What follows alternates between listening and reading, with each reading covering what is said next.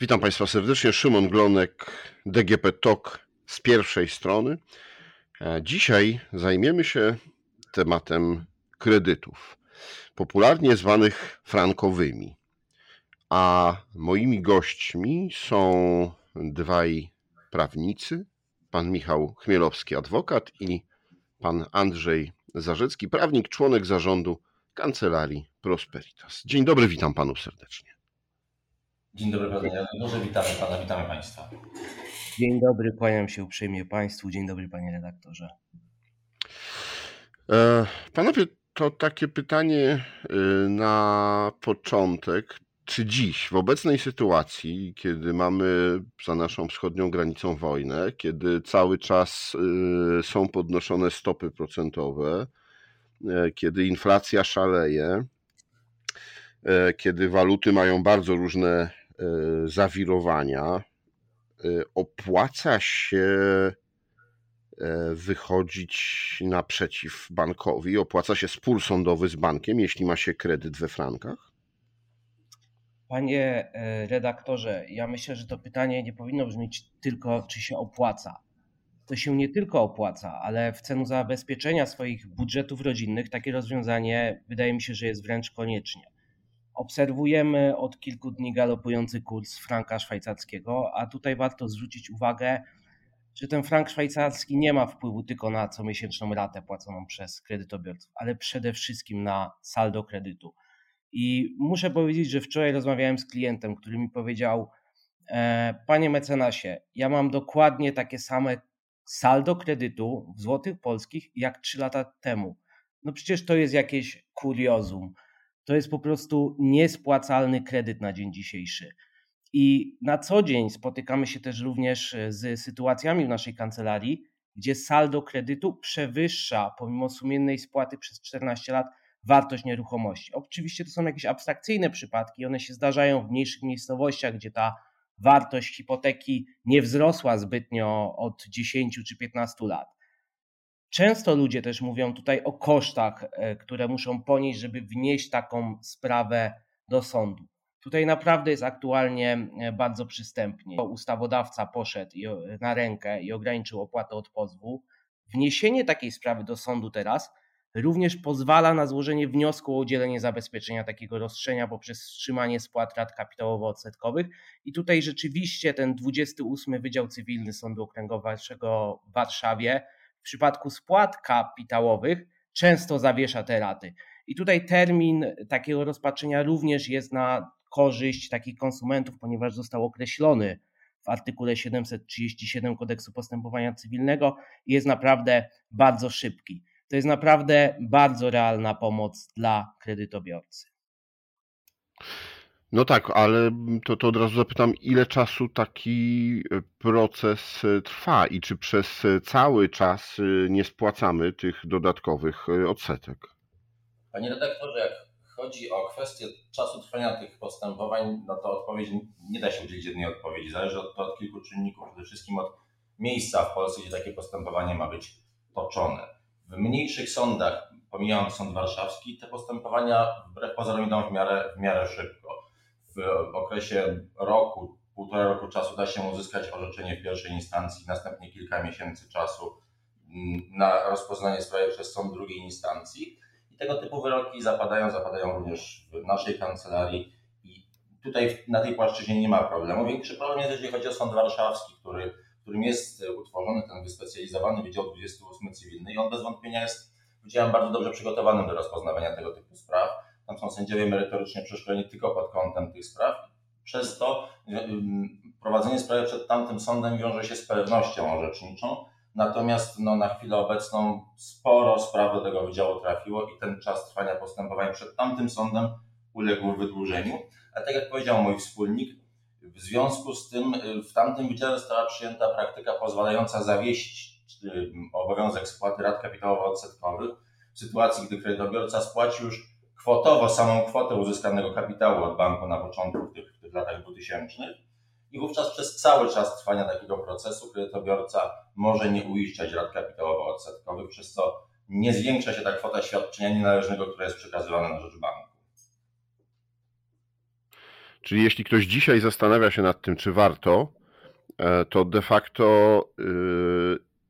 im szybciej złoży pozew, im szybciej rozpocznie się proces, tym jest większa szansa, że rzeczywiście nawet na czas tego trwania procesu zmniejszy swoje spłaty.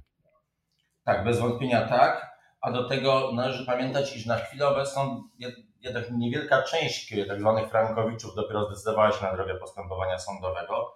Ta liczba osób wchodzących w spory z bankami cały czas rośnie, stąd też kolejka w sądach, które rozpoznają te sprawy, będzie narastać wraz ze wzrostem liczby osób kierujących tam sprawy, stąd też im szybciej te sprawy są składane, tym wiadomo, będą one wcześniej w kolejce rozpatrywane, stąd też w naszej opinii, no, na chwilę obecną, biorąc pod uwagę bardzo korzystne orzecznictwo prokonsumenckie, jakie w tej chwili w Polsce panuje, no, nie, powinni, nie powinno się mieć wątpliwości, czy warto coś z taką sprawą zrobić.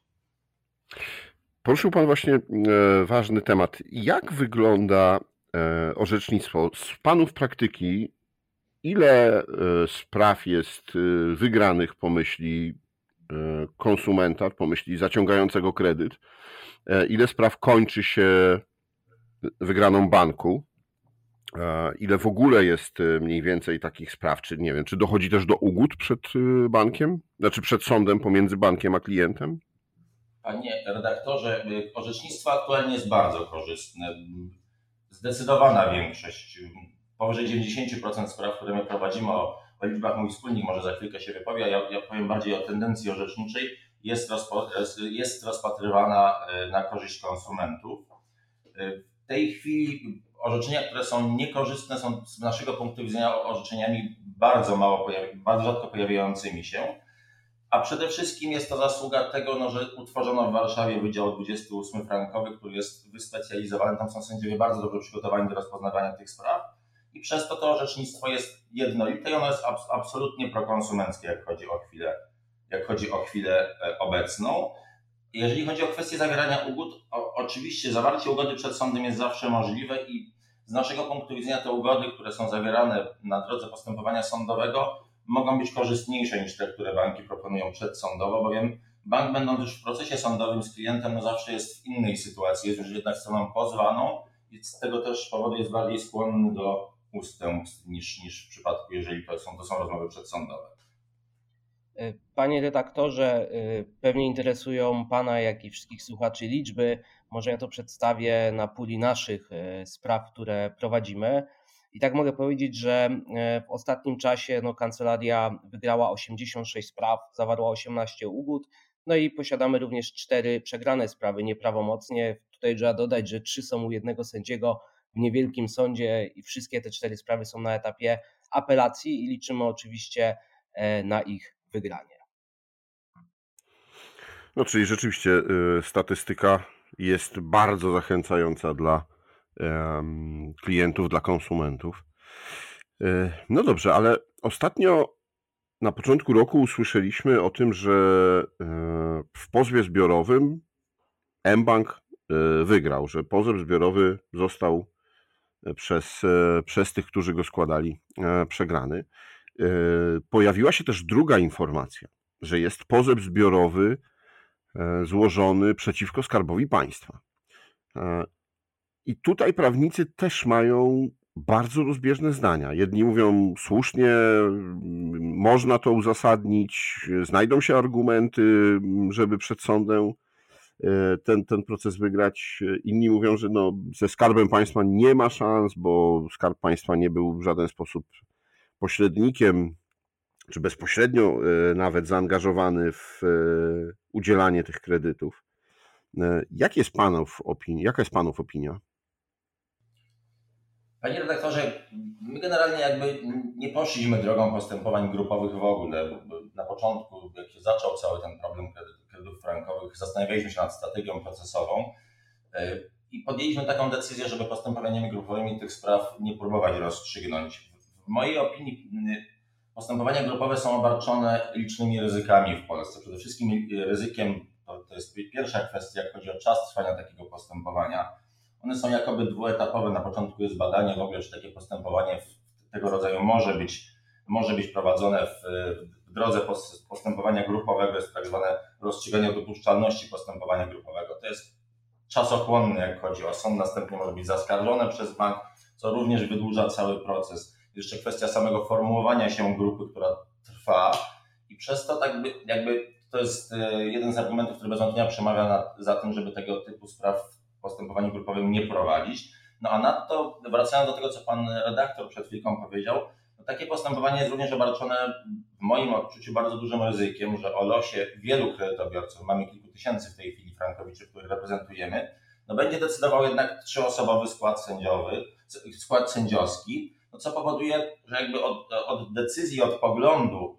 a to są jednak w pewnym zakresie kwestie uznaniowe, każdy sędzia jest niezawisły w, w, w swoim orzekaniu, no będzie, będzie od decyzji tych trzech osób zależał los wielu osób, a co więcej jeszcze po nowelizacji kodeksu postępowania cywilnego, która miała miejsce w 2019 roku, zmieniono przepisy w taki sposób, że nawet jeżeli sąd wyższej instancji uchyli taki niekorzystny wyrok, to ponowne rozpoznawanie sprawy będzie miało miejsce w tym samym składzie, co skład, który wydawał wyrok w pierwszej instancji.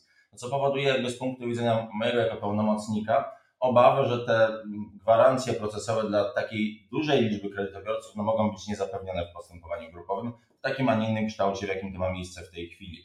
A nadto jeszcze jest jedna kwestia, która powoduje, iż dochodzenie roszczeń frankowych, z kredytów frankowych w postępowaniu grupowym jest utrudnione, to to, że jakby każdy proces y, przeciwko bankowi, proces y, wynikający z umowy kredytu waloryzowanego kursem franka szwajcarskiego, no, opiera się jakby na dwóch elementach. Po pierwsze to jest ustalenie, że dana umowa jest nieważna, czy też, że poszczególne jej klauzule są niedopuszczalne w obrocie konsumenckim. A następnie są to roszczenia finansowe, które, które powodują jakby możliwość rozliczenia się między kredytobiorcą a bankiem. No, czyli żądamy takiej, a innej kwoty świadczenia nienależnego, które zostało spełnione na rzecz banku. Tutaj w postępowaniu grupowym się pojawia problem, no bo te roszczenia pieniężne muszą być ujednolicone pomiędzy poszczególnych członków grupy, aby ich pomiędzy poszczególnymi członkami grupy, aby móc ich dochodzić w takim postępowaniu, co de facto na kanwie kredytów frankowych jest bardzo utrudnione, bo każdy miał inny kredyt i będzie powodować tak czy siak konieczność kolejnego postępowania, żeby się z bankiem rozliczyć. No więc całościowo te argumenty przemawiają za tym, żeby tych spraw w naszej opinii w postępowaniu grupowym nie prowadzić, no, zwłaszcza, że jakby jeden wyrok wówczas może, może spowodować bardzo niekorzystną zmianę statystyki orzeczniczej, tak jak to miało miejsce w przypadku właśnie tego, tego postępowania z bankiem, ale oczywiście my mamy doniesienia tylko prasowe, jak chodzi o tą sprawę, no bo nie uczestniczymy w niej. No, tutaj trzeba dodać, że niewątpliwie również jako konsumenci mamy prawo oczekiwać od organów państwa, że gdy mówimy o jakiejś instytucji, instytucja zaufania publicznego, to rzeczywiście ona taka jest. No i na pewno będziemy się tutaj bacznie przyglądać tej sprawie, o której pan redaktor napomknął. No tak, ale jeśli chodzi o ten proces przeciwko skarbowi państwa, czy jest to w jakikolwiek sposób panów zdaniem, rozumiem, że nie, nie uczestniczycie w tym, więc nie znacie wszystkich argumentów, y, no ale czy swoim klientom, jeśli by ktoś przyszedł do, do panów i, i zapytał dołączyć, co byście powiedzieli? Panie redaktorze, jakby trudno mi się wypowiedzieć tak wprost na, na tą kwestię, no bo to jest proces, który jakby nie miał jeszcze miejsca, nie miał jeszcze miejsca w Polsce z takimi, a nie innymi argumentami. Nie wiemy, jak się orzecznictwo będzie zachowywać. Z naszego punktu widzenia jakby nie do końca, wydaje mi się, polecalibyśmy klientom na chwilę obecną dołączenie do tego postępowania, gdyż wydają się bardzo skuteczne indywidualne postępowania przeciwko bankom. No, udaje się w zasadzie w każdej sprawie, którą prowadzimy, uzyskać przez sąd aktualnie zgodnie z bieżącą linią orzeczniczą stwierdzenie nieważności umowy i następczo powstaje możliwość rozliczenia się z bankami, a z naszego doświadczenia nie obserwujemy żadnego problemu z rozliczeniem się z bankiem w sytuacji, kiedy mamy prawomocny wyrok stwierdzający nieważność. Banki na chwilę obecną, przynajmniej jak chodzi o relacje z naszymi klientami, prawomocne orzeczenia sądów w indywidualnych sprawach realizują i zwracają kredytobiorcom te, te świadczenia, które zostały pobrane nienależnie w związku z taką umową. Także z punktu widzenia strategii procesowej, jaką przyjęliśmy, nie widzimy potrzeby odwoływania się do takiego postępowania, żeby zabezpieczyć interesy naszych klientów. Y, powiedzieliśmy trochę o ugodach w momencie, kiedy już trwa spór przed y, sądem, y, a pojawiają się takie informacje, że banki występują same z propozycją ugód do, do klientów. No i pytanie z Waszej perspektywy, z, z Waszej opinii, z Waszego doświadczenia, który moment na zawarcie ugody jest lepszy? Czy te ugody, które proponują banki teraz no, klientom, którzy jeszcze nie weszli z nimi w spór sądowy, są, e, są dobre, są korzystne, czy lepiej, lepsze warunki dostali ci klienci, którzy dogadali się z bankiem przed sądem? Panie redaktorze, e, no tutaj trzeba w szczególności podzielić te ugody na dwie części. Jedna, jedna część to są ugody na podstawie przewalutowania salda, a drugie to są ugody na zasadzie KNF-u, czyli kredyt od początku złotowy plus marża plus WIBOR. Z naszego doświadczenia zauważyliśmy, że lepsze te ugody są proponowane na etapie postępowania jurysdykcyjnego, czyli sądowego i to po jakichś negocjacjach. Ale wszystko zależy od parametrów kredytu, a to w szczególności od zaciągnięcia tego kredytu, e, czyli kiedy został zaciągnięty i na jaki okres został zaciągnięty. I najbardziej te ugody są opłacalne, gdy kredyt był wypłacony po niskim kursie i na stosunkowo krótki okres czasu, to znaczy 15-20 lat. I tutaj klienci mogą liczyć nie tylko na zamknięcie kredytu, ale dodatkowo na zwrot nadpłaconych rat. Ale takie kredyty to niestety jest tylko kilka procent. Najwięcej tych kredytów było branych jednak na okres 30-letni, gdzie ta ugoda to korzyść średnio na poziomie tylko i wyłącznie 30% tego, co można uzyskać w sądzie. Nadto, patrząc na aktualną wysokość wyboru, to trochę jest jak strzał w stopę. Może się okazać, że w tym ugodzonym i przewalutowanym kredycie konsument zapłaci jeszcze więcej, pomimo w cudzysłowie umorzenia jakiejś kwoty na papierze. I tutaj naprawdę bardzo ważne jest, aby każdą taką umowę, ugodę przeanalizował nie tylko adwokat czy radca prawny, ale też ekonomista czy analityk finansowy pod kątem jej opłacalności. Często jest tak jak w znanym powiedzeniu, diabeł tkwi w szczegółach ja naprawdę przestrzegam tutaj konsumentów przed tym, aby sami udawali się do banków i zawierali te ugody bez wcześniejszego e, sprawdzenia. E, muszę przyznać, że w ugodach proponowanych przez niektóre banki e, pojawia się możliwość kontynuowania tego kredytu jako złotowy ze stałą stopą procentową na 5 lat. To jest ciekawe rozwiązanie. I ja tutaj jednak stoję na stanowisku, że każdą sprawę w tym przypadku trzeba badać bardzo indywidualnie. Ja tutaj jeszcze dopowiem tylko jedną kwestię, jeżeli chodzi o możliwość zawierania ugód, że na dzień dzisiejszy nie obowiązuje rozporządzenie ministra finansów w sprawie zaniechania poboru podatku dochodowego od umorzonych wierzytelności właśnie na skutek ugód zawieranych z bankami. Takie rozporządzenie obowiązywało w zeszłym roku i miało zostać wprowadzone w tym roku, natomiast na dzień dzisiejszy nie obowiązuje. A w sytuacji, w której takie rozporządzenie nie obowiązuje, to tak naprawdę zawarcie ugody z bankiem wiąże się z ryzykiem, że jeżeli nie zostanie wprowadzone przez ustawodawcę, to kredytobiorcy od tych umorzonych przez bank na skutek ugody wierzytelności będą musieli zapłacić podatek dochodowy. I jest jeszcze jedna kwestia, która jest bardzo istotna, że nie każda ugoda z bankiem dotycząca nie każdego kredytu będzie mm, znajdowała zastosowanie, jak chodzi pod, y, pod kątem treści tego rozporządzenia. Nie wszystkie kredyty po prostu będą objęte zwolnieniem z podatku dochodowego, stąd też naprawdę trzeba się bardzo dobrze zastanowić, czy zawarcie ugody z bankiem będzie dla kredytobiorcy korzystne. Panowie, no to zbliżając się do końca naszej rozmowy, zadam takie pytanie, które no, może dla panów z punktu widzenia dochodów, biznesu nie będzie y, wygodne, jeśli by znalazło się rozwiązanie. Ale czy widzicie jakieś systemowe rozwiązanie, jakiś systemowy pomysł na to, żeby rozwiązać kwestie kredytów frankowych? No one będą niestety mm, przy tych zawirowaniach walutowych i na rynku e, nabrzmiewał ten problem, będzie mm, coraz mocniej, myślę, że w najbliższych tygodniach i miesiącach.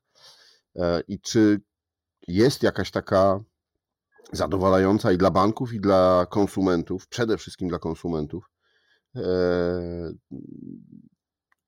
sposób na, na rozwiązanie zadowalający. Panie, panie redaktorze, no na chwilę obecną nie toczą się żadne, według naszej wiedzy, prace, które by zmierzały do takiego, takiego rozwiązania. No były obietnice wyborcze już kilkakrotnie rozwiązania tego problemu, nic z tego nie wyszło. Także wydaje się, że przy tej skali problemu, która jest w tej chwili, dla nikogo nie jest korzystnym wprowadzenie z punktu widzenia politycznego oraz systemu bankowego takiego rozwiązania, które by masowo przewalutowało te kredyty.